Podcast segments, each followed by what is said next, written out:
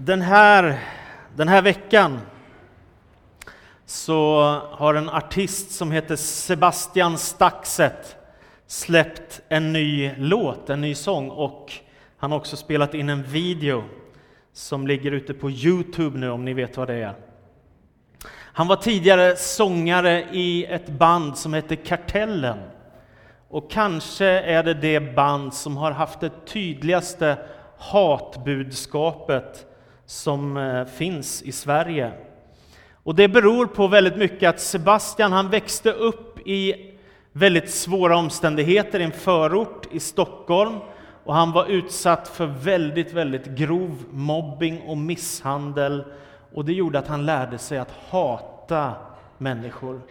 Och därför så under många år nu så har det här bandet Kartellen spelat in låtar med väldigt tydliga texter om hat, om våld, om droger, elakheter och sådana här saker.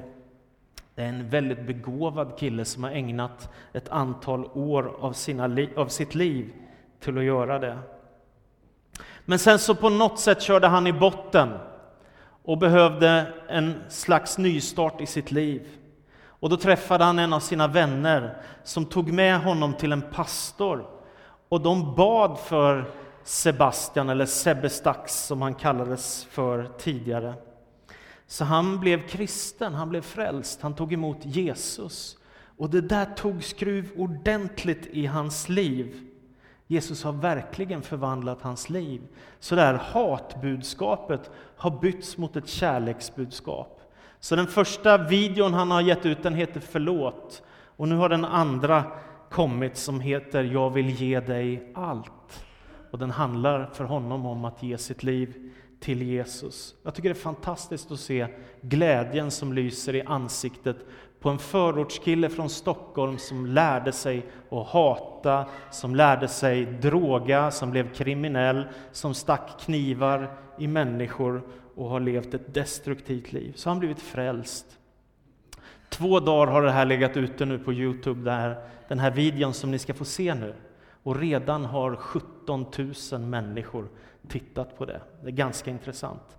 Så om jag får lite hjälp så får ni riktigt svängig musik nu med en ganska nyfrälst, riktigt begåvad ung artist, Sebastian Staxet. Varsågod.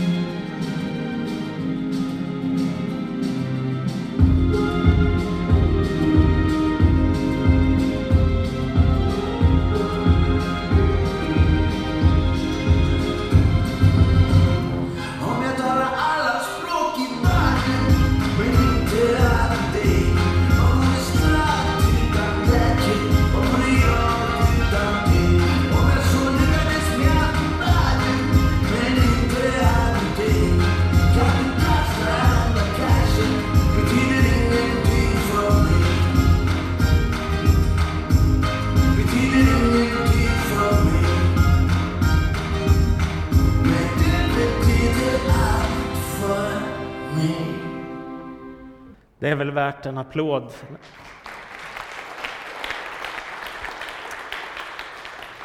vet inte om ni hörde texten, om inte så sjunger han Om jag kunde tala alla språk i världen, men inte hade dig. Vad vore skratt utan glädje, vad vore jag utan dig?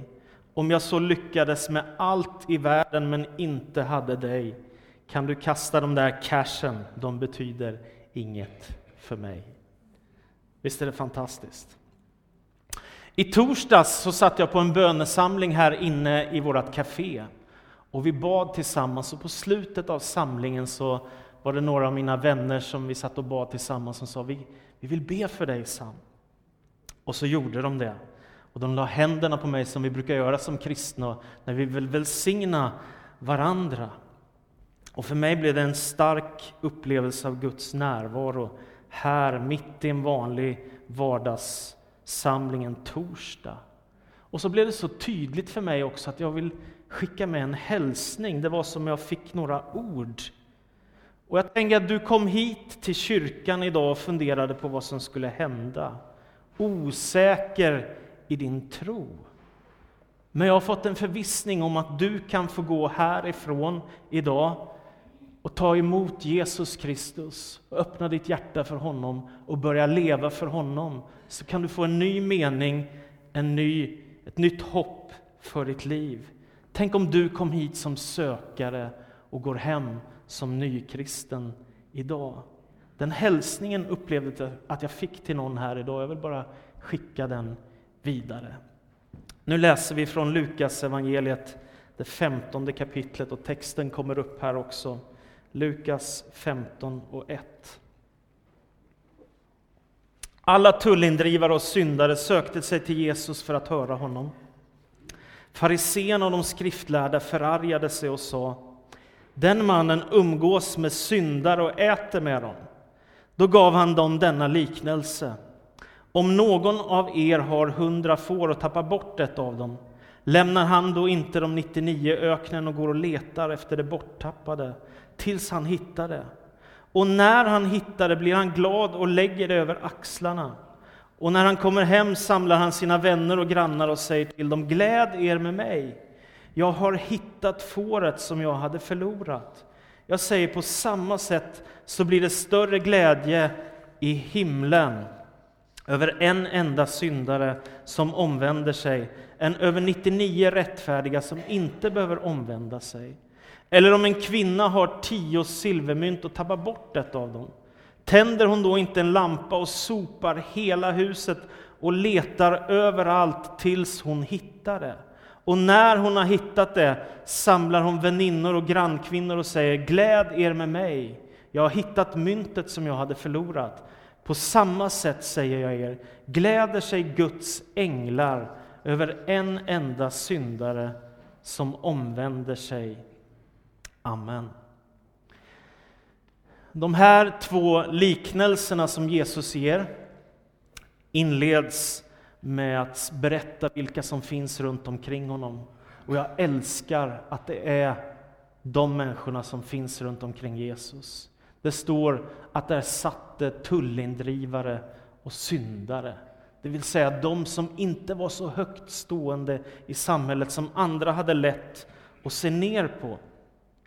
Och fariseerna som har lärt sig att de är väldigt rättfärdiga i sig själva eftersom de ägnar sig så mycket åt bön och helighet så är det som att de vill inte ha med de där människorna att göra som är syndare och tullindrivare utan de ska hålla sig på distans. Och därför blir de uppretade på Jesus när det är de som drar sig nära Jesus. Så det blir en slags konfrontation mellan Jesus och fariseerna. Men Jesus älskar att umgås med trasiga människor och han har inget som helst behov att få godkännande av de fina kulturkretsarnas betygsättning. Utan han har kommit för att frälsa och befria människor och därför är alla välkomna till Jesus.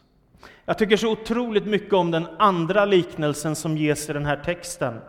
Och Det berättar om en kvinna som söker efter ett förlorat mynt. Om du tänker dig tillbaka 2000 år i historien, någonstans i Israel, ett enkelt hus med jordgolv och sen så vass som ligger där för att hålla lite värme och lite ordning. Och så tappar man ett silvermynt, inte en enkrona, utan ett silvermynt, någonting värdefullt. Av de tio man äger så är helt plötsligt ett borta. Och då så säger Jesus, då tänder kvinnan en lampa, städar hela huset för att hitta silvermyntet. Hon letar överallt tills hon hittar det. Därför att förlusten av ett silvermynt är så stor för den här kvinnan. Och berättelsen skildrar också att hon blir alldeles överlycklig när hon hittar det och bjuder in till fest. Det är själva liknelsen. Varför berättar Jesus den här liknelsen och den här berättelsen? Jo, det här är en bild av den gudomliga kärleken. Jag tänker att Gud skildras som en fattig kvinna som tappar ett silvermynt och som gör allt desperat för att hitta silvermyntet och återvinna det som har gått förlorat. Och så tänker jag att silvermyntet det är en bild av människan, en bild av dig och mig. Det vill säga, vi, vi har alla samma värde, alla är likt ett silvermynt, men ändå så kan man vara borttappad och förlorad. Är du med? Alltså värdet i dig finns kvar, ändå är du inte där som du ska vara. Det vill säga hemma hos Gud. Du är ett värdefullt silvermynt, billigt talat, men du är inte hos Gud. Och tydligen så räcker det för Gud med att ett får har gått vilse eller att ett mynt är borttappat för att det ska saknas något i hans oändliga skattkammare. Varje människa är så dyrbar för Gud. Det räcker med att en är förlorad så är han på jakt efter oss som människor. Gud sätter sådant värde på oss och därför söker han efter varje människa. Och jag har ärligt talat lite svårt att förstå hur så många människor i just våran del av världen kan leva på distans till Gud. I nästan alla andra delar av världen så söker människor det gudomliga hela tiden och ber och har andakter och meditationer och alla möjliga saker. Vi är ett litet undantag här, marginellt undantag i Norden och en del av Europa. Gud söker efter oss människor. Han vill inte att någon ska vara förlorad för att han älskar oss och därför, när, någon, när han finner silvermyntet, eller när Gud finner en människa och hon vänder hem till honom igen, då blir det fest. Och Jesus säger, då är det som änglarna gläder sig i himmelriket när en enda syndare omvänder sig. Jag kan förstå den där känslan av förlust. Jag har ett drastiskt minne i mitt liv. Det var när min dotter var två och ett halvt år och jag har en söt bild på mina barn ifrån den tiden, när de var i den åldern. Vi var på semester i Medelhavet. Vi befann oss på Rhodos, en fantastiskt vacker ö. Värmen var perfekt, havets temperatur alldeles underbar, solen sken hela dagarna och vi njöt. Och så en dag vandrar vi runt i Gamla stan på Rhodos norra del och vi ställer oss och tittar in i ett skyltfönster där de hade så fina saker. Och där står vi tillsammans med mina svärföräldrar, jag och min fru, och så mina två små barn som de var på den tiden. Vi står där kanske en minut.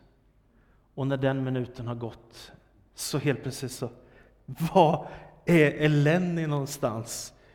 Hon är helt borta. Ingen av oss har koll på var den där lilla tvååringen har sprungit iväg någonstans.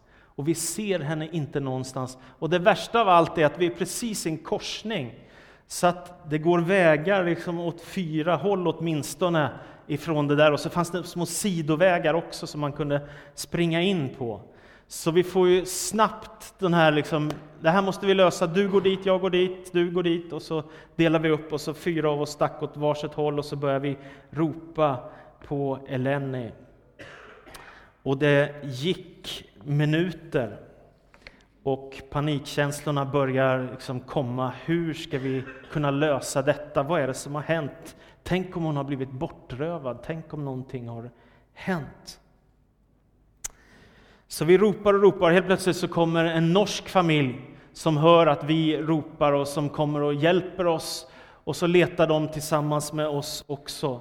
Och det går fem minuter, kanske ännu längre tid. Och jag vet min fru har sagt efteråt att hon började fundera på hur ska jag förklara för flygpersonalen att vi inte är fyra utan bara tre?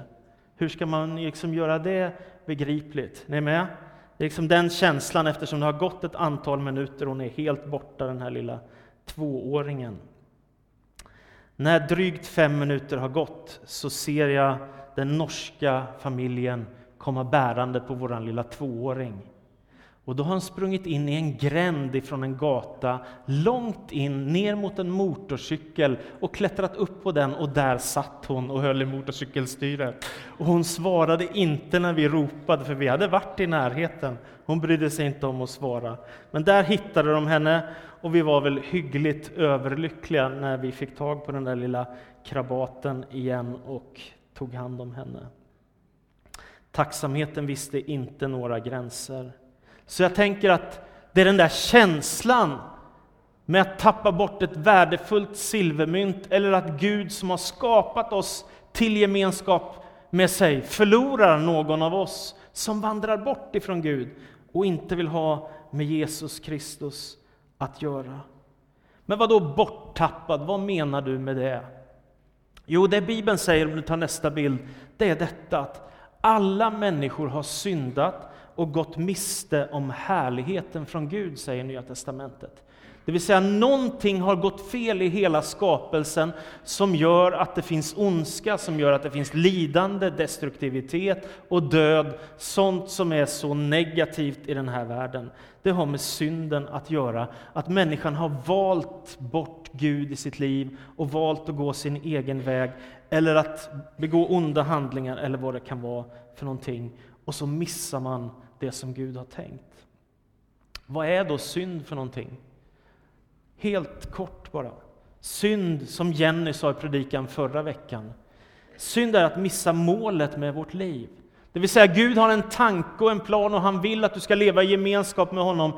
Och gör du inte det så är det som att du missar det som är huvudsyftet med ditt liv.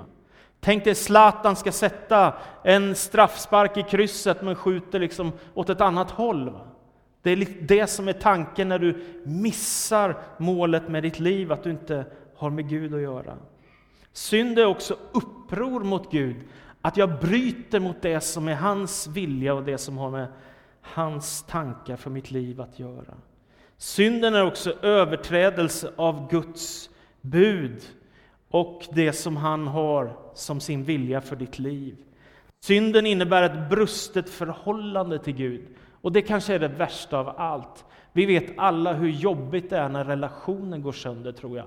Vi har olika erfarenheter av det på olika sätt, i olika tider i livet. Det är väldigt jobbigt.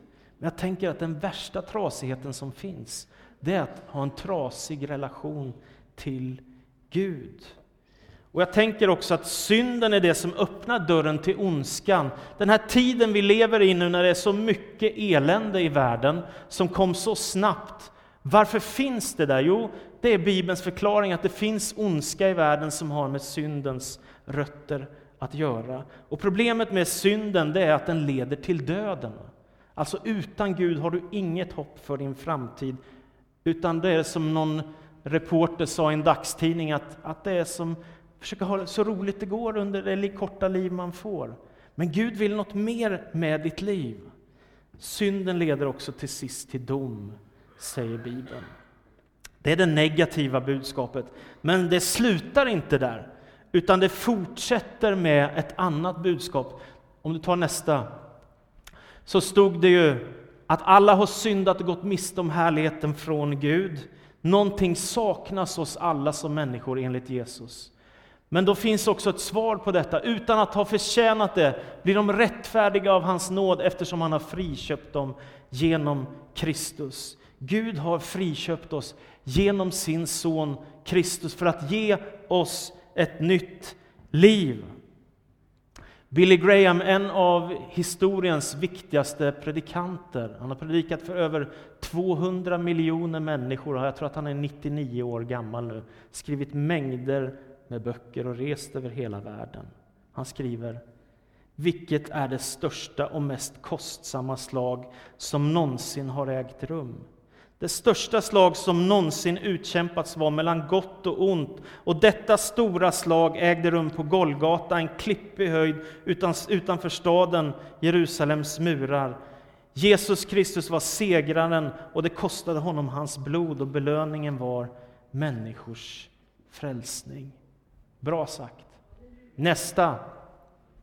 Men vad händer då? Måste man bara vara utlämnad till allt detta destruktiva i världen? Finns det inget hopp? Jo, det finns ett hopp eftersom Kristus en gång för alla har dött i ditt och mitt ställe. Och det betyder att när du känner dig själv anklagad av det som har hänt i ditt liv som inte var så bra, eller det som var destruktivt eller negativt, eller det som förstörde saker för dig, så behöver du inte bära det för att det finns en som har burit dig i ditt ställe och gjort dig fri och vunnit seger över synden. Och därför så finns det så mycket som händer i frälsningen. Och läser man Bibeln noggrant kan man se det. Vad händer?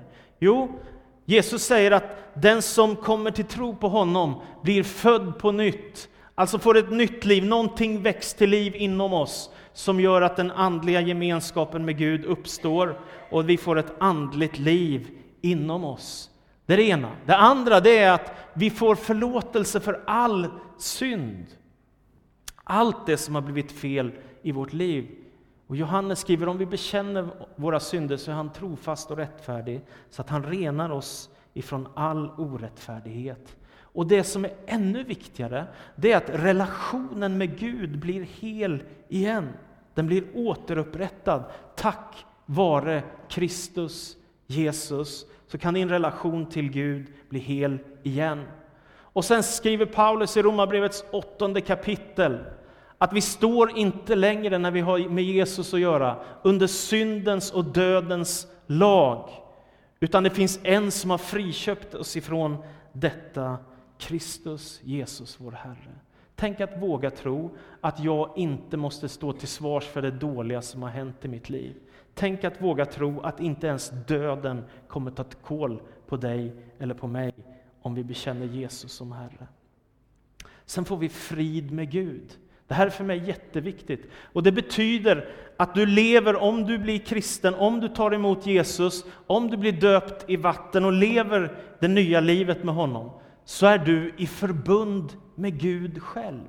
Du är i förbund med Gud. Det vill säga ungefär samma sak som när man går och gifter sig. Man, man har gett bort sitt liv till någon annan och nu så ger man sitt liv till Gud, tillhör honom och har frid med honom. På hebreiska är det här ordet shalom, ett fantastiskt ord, Det betyder att ha harmoni, att vara hel, att ha en god relation till Gud som älskar oss. Det gör att det här har hjälpt mig så mycket för att jag blir inte så orolig över alla saker i livet. Och jag behöver inte känna när jag misslyckas att jag är helt värdelös och kass och min självkänsla måste gå ner i botten.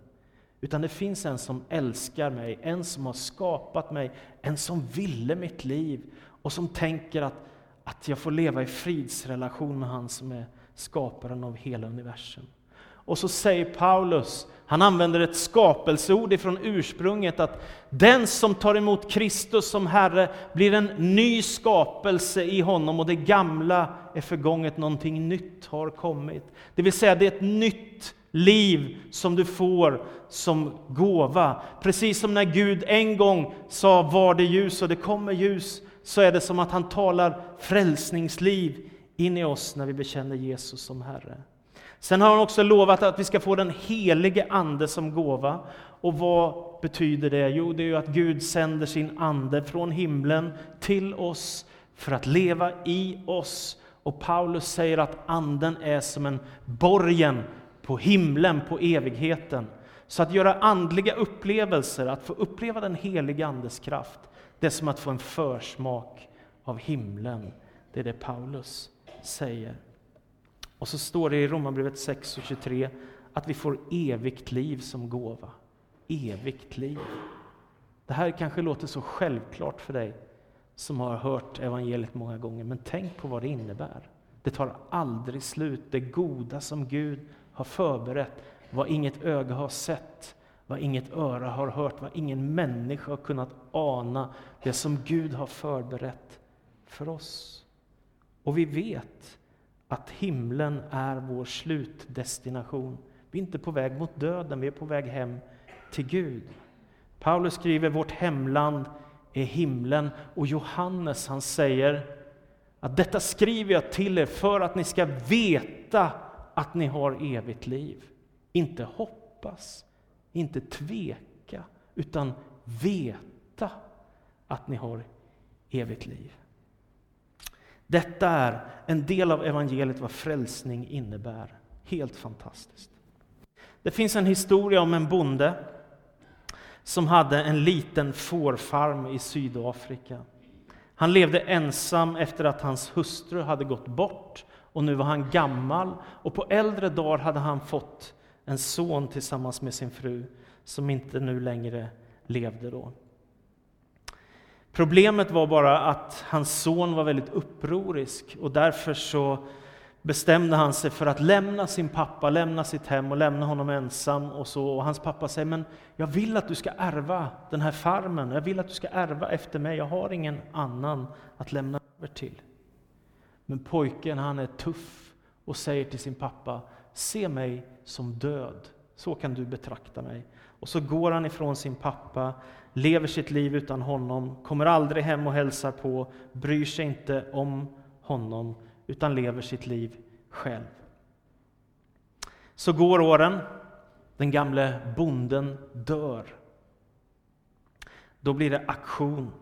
Alla hans ägodelar ska aktioneras ut eftersom hans son har avsagt sig rätten till arvet.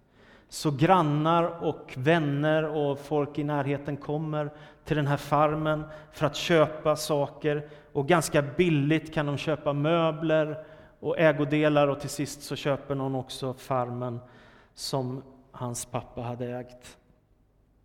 Till sist är det bara en enda sak kvar. Ett gammalt inramat foto. Och då kommer en ung man springande och så ropar han ”Jag vill köpa det där, jag vill köpa det där”. Men då finns det en annan kvinna i samlingen som hör när han ger sitt bud som var ganska lågt och som lägger ett mycket högre bud. Och pojken blir jätte, jätteledsen. Kvinnan får köpa det här porträttet och ramen. Men sen så kommer den unga mannen gående till den här kvinnan och folket tittar på, vad ska hända nu? Och så frågar han kvinnan, varför köpte du det där kortet för så dyra pengar? Och då svarar kvinnan, nej men jag köpte inte det för bilden utan jag köpte det för ramen. Den där ramen är väldigt ovanlig och faktiskt väldigt värdefull. Då ser hon att det kommer tårar i ögonen på den här unge pojken. Och hon, hon frågar liksom, varför är du så intresserad av just den här bilden? Jo, säger han, det där är min pappa och jag och det är det enda kortet som finns bevarat och jag skulle vilja köpa det så jag har något minne av min pappa. Då får kvinnan tårar i ögonen och inser att hon kan ju inte behålla det där porträttet utan hon tar loss ramen och så tar hon ut kortet och räcker över det till den här pojken. Samtidigt som hon gör det så ramlar ett litet kuvert ut ur det här porträttet. Hon tar upp kuvertet och så läser hon texten. Om du återvänder till mig, min son, så är mina böner besvarade. Jag kommer inte att ge dig en smutsig fårfarm. Istället ska du få frukten av allt mitt arbete i livet. Lös in den här bankväxeln så kommer du få en stor summa pengar som kan sörja för dina behov resten av livet. Hälsningar från din pappa. Och så går sonen till banken. Han tänker att han ska köpa tillbaka allt det som har blivit sålt. Och så kommer han tillbaka med pengar och när han kommer dit så, så, kommer han med tårar i ögonen och ber folk om att få köpa tillbaka. Men de skänker till honom eftersom de inser vad som har hänt i hans liv. Så han behöver inte köpa någonting utan han får tillbaka allting gratis utan att betala någonting. Och så har han fått hela det arv som hans pappa har tjänat ihop under sin livstid. Ungefär så tänker jag om frälsningen. Att det är som det där kuvertet som ramlar ur porträttet. Och för, för en hel del människor är det så diffust också, att man har inte koll på att Gud älskar mig, att Gud vill frälsa mig, att Gud vill ha kontakt med mig, att han kallar mig till gemenskap med sig själv, att han vill någonting med mitt liv och att mitt liv inte bara är några korta år här i världen utan evigt. Gud knackar på ditt hjärtas dörr och på mitt hjärtas dörr. Det är min absoluta övertygelse. Han vill dig mer väl än alla andra. Du är som ett borttappat silvermynt eller ett förlorat får eller en förlorad son. Men du kan få vända hem till honom igen, hem till Gud. Och det står i Romarbrevet 10 och 9. Om du med din mun bekänner att Jesus är Herre och i ditt hjärta tror att Gud har uppväckt honom från de döda, så ska du bli räddad. Så enkelt. Om du med din mun bekänner och i ditt hjärta hjärta tror att Jesus Kristus är Herre, då finns det ett nytt liv för dig som aldrig någonsin tar slut. Detta är den kristna tron. Den predikas över hela världen i miljontals kyrkor i alla världsdelar. Och överallt så kommer människor till tro och blir döpta i vatten och börjar ett nytt liv. Jag tänker på orden i Sebastian Staxets sång. Om jag kunde tala alla språk i världen, men inte hade dig. Vad vore skratt utan glädje? Vad vore jag utan dig? Om jag så lyckades med allt i världen, men inte hade dig, då kan du kasta de där cashen, för det betyder ingenting för mig. Amen. Jesus Kristus, så vill jag inbjuda dig att röra vid våra hjärtan. Tack för att jag inte behöver predika ett hatbudskap. Tack för att jag inte behöver stå och tala att livet är en kort sträcka av tomhet och en kamp efter att klara av vardagslivet och försöka göra något vettigt. Utan jag har ett mycket viktigare budskap än så, mycket, mycket större. Och det har med frälsning att göra, det har med nytt liv att göra. Och tacka dig Gud att du älskar oss så högt, att du vill göra detta i våra liv, Herre. Och tack för att vi också som kanske är där hemma redan, att vi inte ska vara som den där brodern i liknelsen om den förlorade sonen som inte är nöjda och glada. Utan låt oss istället få ställa till med fest för varje människa som hittar dig, Jesus, och som finner kärleken hos dig, Gud. Jag ber om det i Jesu Kristi namn. Amen.